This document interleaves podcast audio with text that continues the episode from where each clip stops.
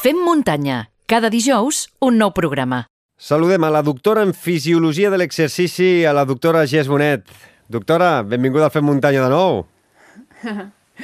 Hola, Xavi, moltes gràcies. I enhorabona, per fi t'has tret el doctorat després de, de, de cinc anys. Eh, sobre què anava aquest doctorat?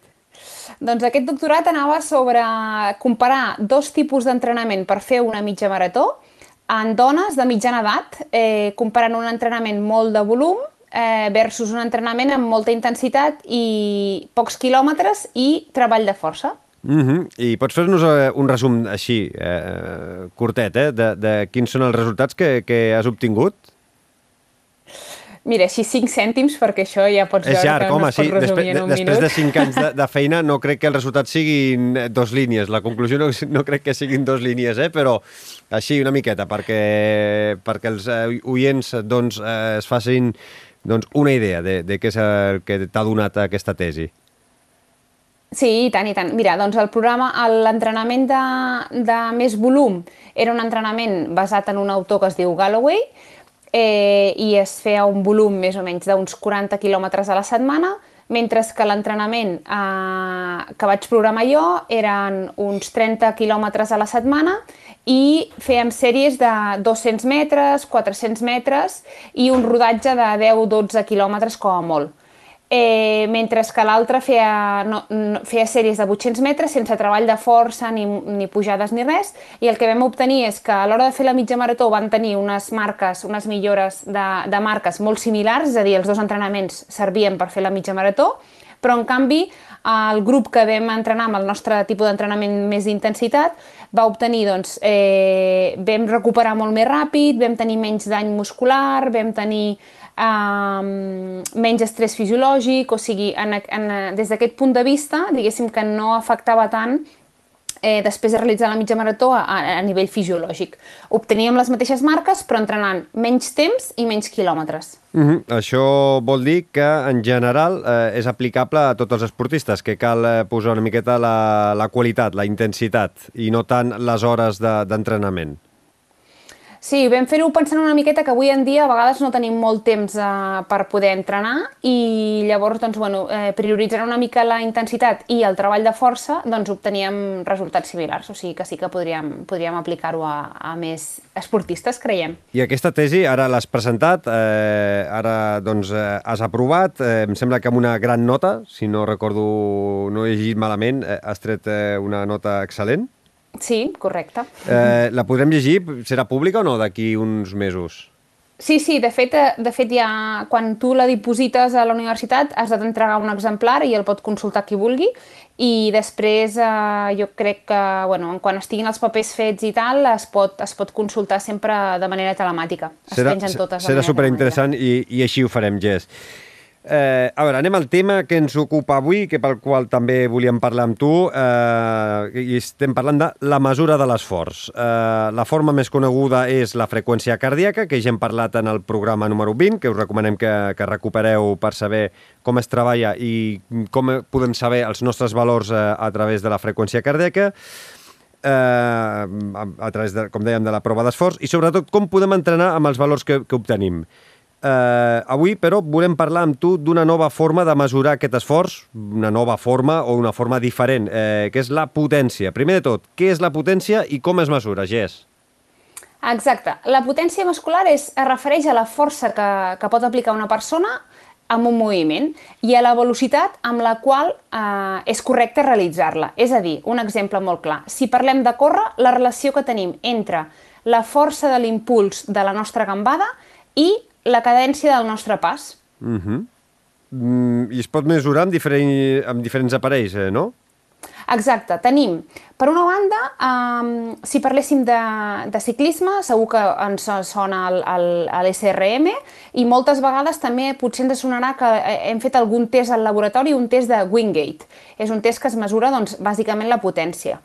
Després també tenim uh, plataformes de salts, les plataformes desenvolupades per, per Bosco, que segur que algú també li sona el salt de l'Squat Jump o el Contra Movement Jump o alguns d'aquests, i que avui en dia és molt senzill, entre cometes, eh, per la gent que hi entén, uh, fer-ho a través de, bueno, gràcies a Cronosport, que, perdó, Chronojam, que és una empresa que, que té un software lliure, que va dissenyar un software lliure, i tu et dissenyes la teva pròpia plataforma de salts i pots analitzar totes les dades, és a dir, bàsicament el temps de contacte, temps de vol, etc etc.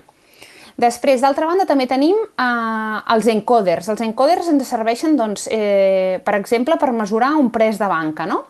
Un exemple molt, molt perquè la gent ho entengui, no? És a dir, per exemple, jo em poso a fer pres de banca eh, o em poso a fer un squat amb una màquina, uh -huh. i hi ha un moment, i, i ho he de fer a màxima velocitat, no? Llavors hi ha un moment en què, eh, o sigui, aquest encoder el que fa és mesurar eh, la meva potència, val?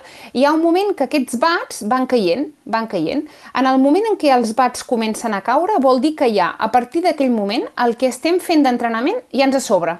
És a dir, ja no som eficients en aquell, en aquell, en, en aquell pes o, o amb aquelles repeticions. Llavors, això ens serveix per mesurar quin és el pes òptim nostre per realitzar X, X repeticions. Val? O sigui, per això és, és útil. Uh mhm. -huh. I després, finalment, doncs, tenim, el, per exemple, l'estride, o, o l'estride seria com una mena de, de xip que es posa sobre la, sobre la sabatilla, i després també tenim l'RPM, que són unes plantilles que el que seria molt similar, diguéssim, a aquestes plataformes de forces que ens aniran mesurant doncs, la, la força durant la trepitjada. Uh -huh. eh, mira, fins fa pocs mesos, eh, ara comentaves, eh, la, es, havia escoltat eh, molt eh, la potència en el ciclisme, eh, amb els potenciòmetres que, que duen la, les bicicletes, cada dia són eh, més populars els potenciòmetres també entre els, els, els corredors. Ara parlaves eh, de, de l'Stride. Eh, ben bé, què és el que calcula eh, aquest, eh, aquesta mena de xip groc que es posa la, la sabatilla? Mira, doncs, doncs eh, obtenim diferents, diferents dades eh, a temps real, és a dir, aquest, aquesta mera de xip eh, va connectat tant al rellotge, si tenim un rellotge intel·ligent, com a una aplicació del mòbil. I llavors aquí ens dona mm, diferents mesures que són, per exemple, doncs, la, la intensitat, no? l'esforç eh, quantificant la velocitat, el canvi d'altitud, la resistència al vent, els passos per minut, interessantíssim perquè hi ha molts estudis no, de quants passos per minut fas? Doncs entre 170 i 180. Ah, doncs això és òptim. Bueno, això s'hauria d'analitzar una miqueta més profundament perquè no és exactament així. Però bueno, perquè ens fem una idea, doncs els passos per minut.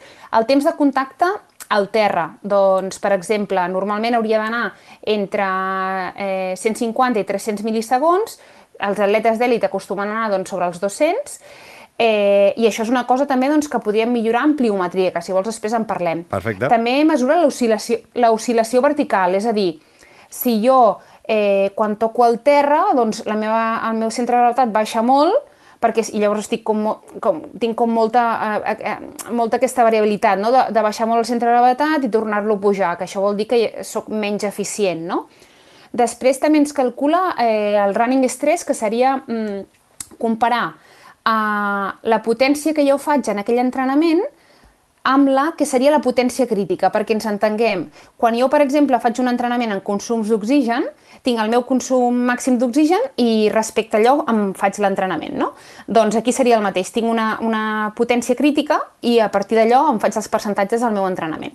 Uh mhm. -huh. I, I a partir d'aquí, doncs, evidentment, em puc uh, definir les meves zones d'entrenament de, a partir d'aquesta intensitat. Són més exactes la, les dades que ens dona un potenciòmetre que un cinturó de freqüència cardíaca, Gés? Doncs sí, són més exactes, eh, però això no vol dir que no puguem entrenar amb un, amb un cinturó de freqüència cardíaca, que ho hem fet sempre i, i, i ens ha funcionat molt bé. El tema és que, mm, clar, la freqüència cardíaca té una certa variabilitat per diferents motius, és a dir, per exemple, si jo vaig entrenar en un clima càlid, doncs probablement em pujarà la, la freqüència cardíaca. Eh, si estic més estressat, eh, diferents motius mm, em poden fer que hi hagi aquesta variabilitat, que no és molt gran, però, però existeix, no? Llavors, quan entrenem per potència, no, no hi ha aquesta variabilitat. És a dir, eh, hem de, eh, sabem que tenim un, una potència crítica, diguéssim, que són, és X watts, no? Llavors jo el que faré és, eh, eh, en funció de si corro, mm, per exemple, en pujada o en baixada, doncs eh, faré més watts o menys watts. Val? Això no vol dir que nosaltres a partir d'ara ara haguem d'entrenar tots en potència. Val? Eh, perquè mm, bueno, s'ha de saber interpretar les dades per anar modificant aquesta planificació i no només planificar amb aquestes dades. Vale? És a dir, mm, hem de fer una mica com, una, com un conjunt de diferents coses Val? I, I llavors, clar, amb el potenciòmetre, doncs, quins avantatges tenim? Doncs també que buscarem el, el límit dels entrenaments més intensos, és a dir, que tenim un valor més objectiu de watts i, per tant, sé fins quin puc, punt puc forçar, o, per exemple, em podré anar veient uh, quina ha sigut la, la, la gràfica d'estrès de cada sessió i comparar-la entre les sessions, doncs una sessió de més de rodatge o una sessió més de sèries. O sigui, en definitiva, uh, uh, em permetrà més veure la meva eficiència en la carrera. Mm -hmm. uh, quines són les avantatges i desvantatges de, de treballar amb potenciòmetres? Mira, d'una banda, l'avantatge jo crec que així com més clar eh, seria doncs, eh, per poder millorar la tècnica de carrera, perquè com jo obtindré doncs, quanta estona estic en el terra, quanta estona estic en l'aire, quina és la meva, eh, la meva potència d'impuls, no? Per tant, això ens ajudarà a millorar la tècnica de carrera perquè sabrem, mm, diguéssim, d'on coixegem i què és el que hem de millorar, no? Eh, D'altra banda, serem molt més precisos amb, les, amb, amb els entrenaments de sèries, doncs ens millorarà molt la precisió de, de, bueno, de a, a quins ritmes hem d'anar, no? a quina potència hem d'anar. Eh, I després ens, ens, eh, ens mostra la realitat de, de cada pas que fem, sense que ens afectin altres, altres factors, no? o sigui, el que dèiem, no? de la freqüència cardíaca que ens pot, ens pot eh, afectar. Llavors, si tenim una bona programació amb aquest eh, potenciòmetre, perquè tenim algú expert que ens ha assessorat, doncs, per exemple, no hauríem de topar amb el, amb el mur de la, de la marató, no? o sigui, aquest típic mur de que ens pensem sempre al quilòmetre 30-32, si ho hem fet bé i ens guiem amb els nostres, amb els nostres bats, doncs hauríem de poder-ho preveure de millor manera. Uh, desvantatges. El preu no és econòmic, 229 mm, euros, i després necessitem uns coneixements mínims per poder-ho interpretar, és a dir, eh, més o menys tots sabem com pot funcionar la freqüència cardíaca no? i tenim una idea doncs, perquè ho hem fet servir més sovint, però aquí doncs, requerim una miqueta més de saber doncs, què, què passa quan puja, què passa quan baixa, eh, en quin, estic fent un entrenament a una intensitat correcta, una mica aquí, això. Aquí és on, on eh, és gairebé imprescindible que eh, un entrenador o entrenadora doncs, eh, ho pugui calcular, pugui veure, pugui treballar aquestes dades i anar ajustant-les eh, constantment. Exacte, sí. Tot i que el programa, eh, és a dir, l'aplicació eh, et dona moltíssimes dades i ho fa molt bé perquè diguéssim, que et va calculant com a, per períodes, no? Eh, si estàs sent més, més efi, eficient o menys, però sí que és, és important tenir algú que et pugui ajudar una miqueta a interpretar les dades. I són compatibles el, el cinturó de freqüència cardíaca i, i, aquests, i aquest potenciòmetre? Sí, sí, totalment, totalment. De fet, um, si tu entrenes amb freqüència cardíaca i entrenes també amb el potenciòmetre, eh, eh, quan tu vegis la gràfica, perquè ens entenguem, quan jo vaig a córrer veig la gràfica no, i veig eh, doncs el desnivell, eh, la freqüència cardíaca, no, el ritme que anava, no? doncs aquí li afegiríem una altra corba que seria la de, de la potència, els watts. No? Llavors, si aquesta relació entre la freqüència cardíaca i, i la potència és bastant paral·lela, vol dir que estàs en bona forma física. Ah, d'altra banda, si aquesta, aquestes dues línies són divergents, vol dir que com més divergents, més s'allunyin, mm, en pitjor forma eh, física estic. Per exemple, eh, perquè això a vegades amb exemples es veu més clar. Sí, si sí. jo sempre vaig a la mateixa velocitat i, i vaig augmentant les pulsacions, eh, doncs, per exemple, al llarg d'una competició, eh, doncs eh, hi ha alguna cosa que, que m'està indicant que sóc menys eficient. Vale? O sigui, hauria de poder mantenir els mateixos watts i que la freqüència cardíaca, doncs, home, evidentment per fatiga pot anar augmentant, però que no es dispari. Mm -hmm. Això moltes vegades, eh, ara que hi ha molts eh, maratonians eh, d'èlit que, que tenen Strava i pengen sobretot la freqüència cardíaca, Uh, sí que a vegades es veu uh -huh. molt bé que durant uh, les dues hores uh, 10, dues hores 20 minuts que, que, dura, que, que triguen en, en completar els 42 uh, quilòmetres, uh, es veu perfectament que gairebé és idèntica la, la línia de la, de, de la freqüència cardíaca, és a dir, que no han tingut grans pujades en aquests, eh, en aquests 42 quilòmetres. Això vol dir que, evidentment, estan treballant eh, perfectament i que estan superpreparats, no? Exacte, són supereficients perquè ells saben que amb aquella freqüència cardíaca eh, estan treballant, eh, estaven consumint eh, doncs un, un nivell energètic, unes calories i, i, un, i estan treballant en un metabolisme que els, els permet estar, doncs, eh, suposadament, per sota del, del, o, o rossant no? el, el consum màxim d'oxigen, però estan en el llindar anaeròbic, és a dir, que no estan acumulant excessiva fatiga, i llavors eh, doncs saben que aquell és el seu ritme i la seva freqüència perquè siguin el més eficients possibles. Saben que si mm, es despisten una mica i allò va pujar una miqueta, després tornar a, a recuperar-ho sense haver entrat, diguéssim, en un, en un gast energètic extra, els hi, els hi causarà doncs, certs problemes i pot ser que això faci que no tinguin un bon resultat al final. Hem parlat de velocitats constants, maratonians d'asfalt. Eh, serveix per, eh, per igual un corredor d'asfalt que per un corredor de, de muntanya, el, el potenciòmetre? Saber els bats que, que anem eh, treballant? Exacte, sí, sí, totalment. Eh, és a dir, el que hem comentat abans, no? els bats són bats en pla o en muntanya. Uh, llavors, si això ho tornem a posar en un exemple perquè ho entenguem millor, per exemple, si anem a 250 watts, perquè ens entenguem, és que sigui el nostre llindar de potència, doncs uh, seran els mateixos si pugem o baixem. Què voldrà dir, però? Clar, quan baixem anirem més ràpid, quan pugem anirem més a poc a poc. Però eh, el que hem de saber és que això, malgrat els canvis de, de velocitat, la, la teva intensitat serà la mateixa eh, tant si puges com si baixes, com si vas en pla. I com, i com, Llavors el que hem de fer és adaptar-ho. I com podem, eh, o, o pregunto, eh, un corredor de muntanya o un corredor d'asfalt eh, pot eh, millorar la, la, la seva potència i que eh, pugui doncs, fer més força eh, durant més estona? Sí, i tant, i tant. És que tot això és entrenable. És a dir, um, igual que, que, que és entrenable la freqüència cardíaca, que, vull dir, per exemple, jo vull millorar la meva freqüència cardíaca, no? Eh, la màxima és la màxima, però em refereixo, la que tindré en el meu llindar anaeròbic és X, no? Doncs jo vull mirar això, val? Què faré? Doncs faré un entrenament de base on faré molts quilòmetres a una freqüència cardíaca baixa i puntualment aniré posant estímuls no? de, de sèries, però per intentar millorar aquesta, aquesta capacitat. Vale. Quan faig a, eh, a eh, un entrenament de muntanya, què he de fer? eh, he de treballar pujades, però també he de treballar baixades. He de treballar en excèntric, he de, vull dir, tots aquest, aquests paràmetres que, que segur que fan molt bé els corredors de muntanya, no? d'aquest aquest, eh, treball més específic de, de fer unes pujades eh, més llargues o de fer unes pujades en sprint, tot això és el que ens ajudarà a millorar aquesta potència. Uh -huh. eh, I si algú vol comprar-se un potenciòmetre, on ho podem anar a comprar?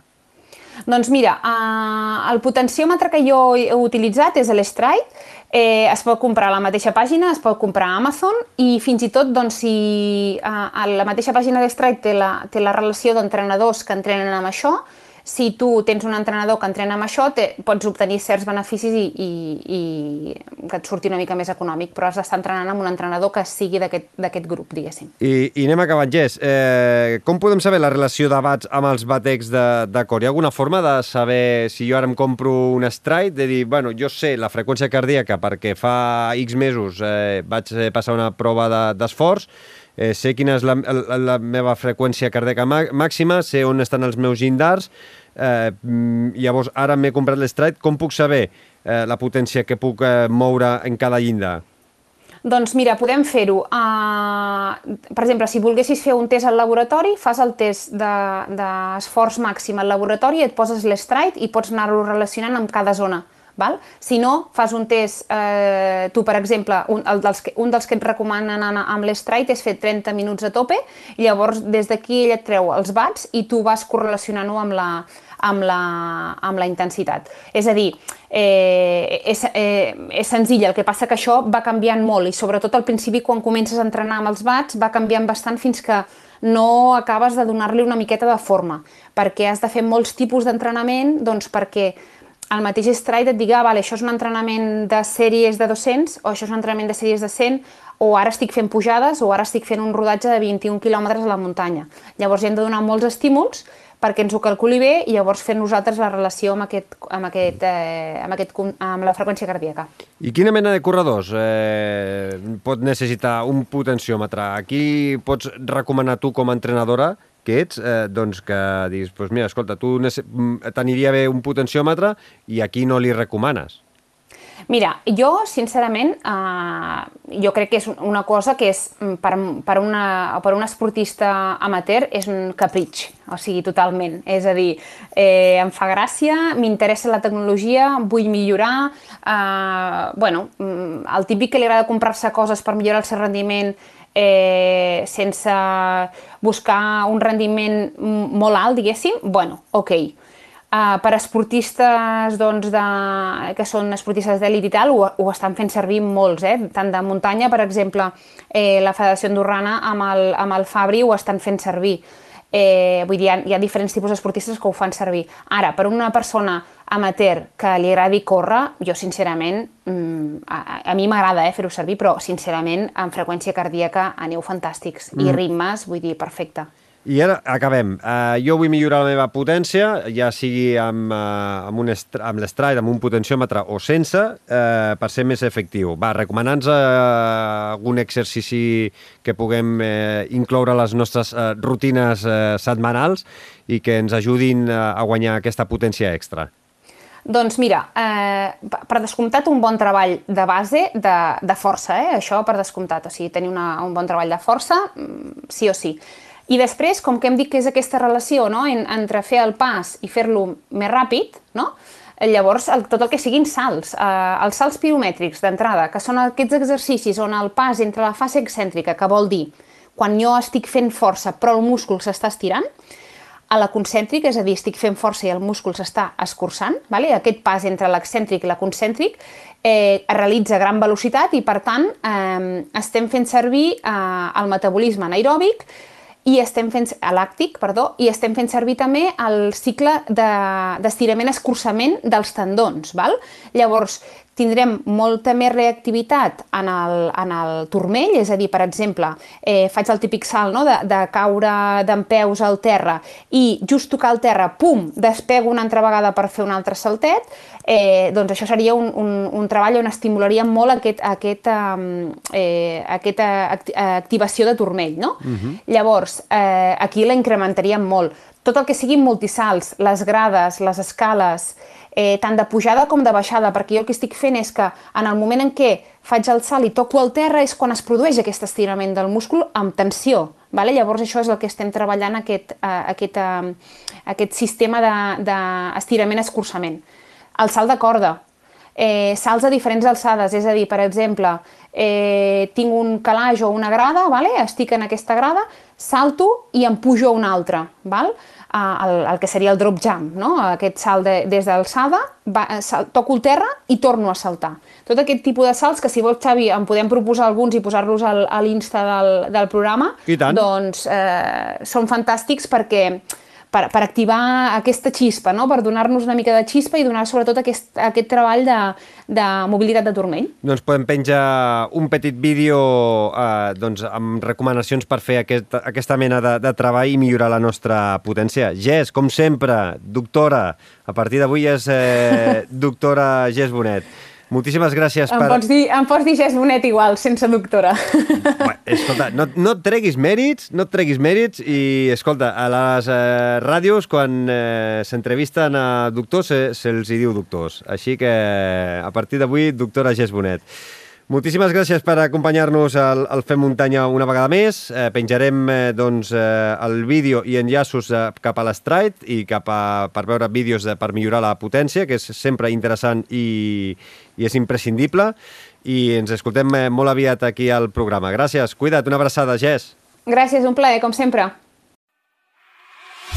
Busca'ns i subscriu-te a qualsevol de les principals plataformes de podcast Spotify, Apple Podcast, iVox, Google Podcast i moltes més.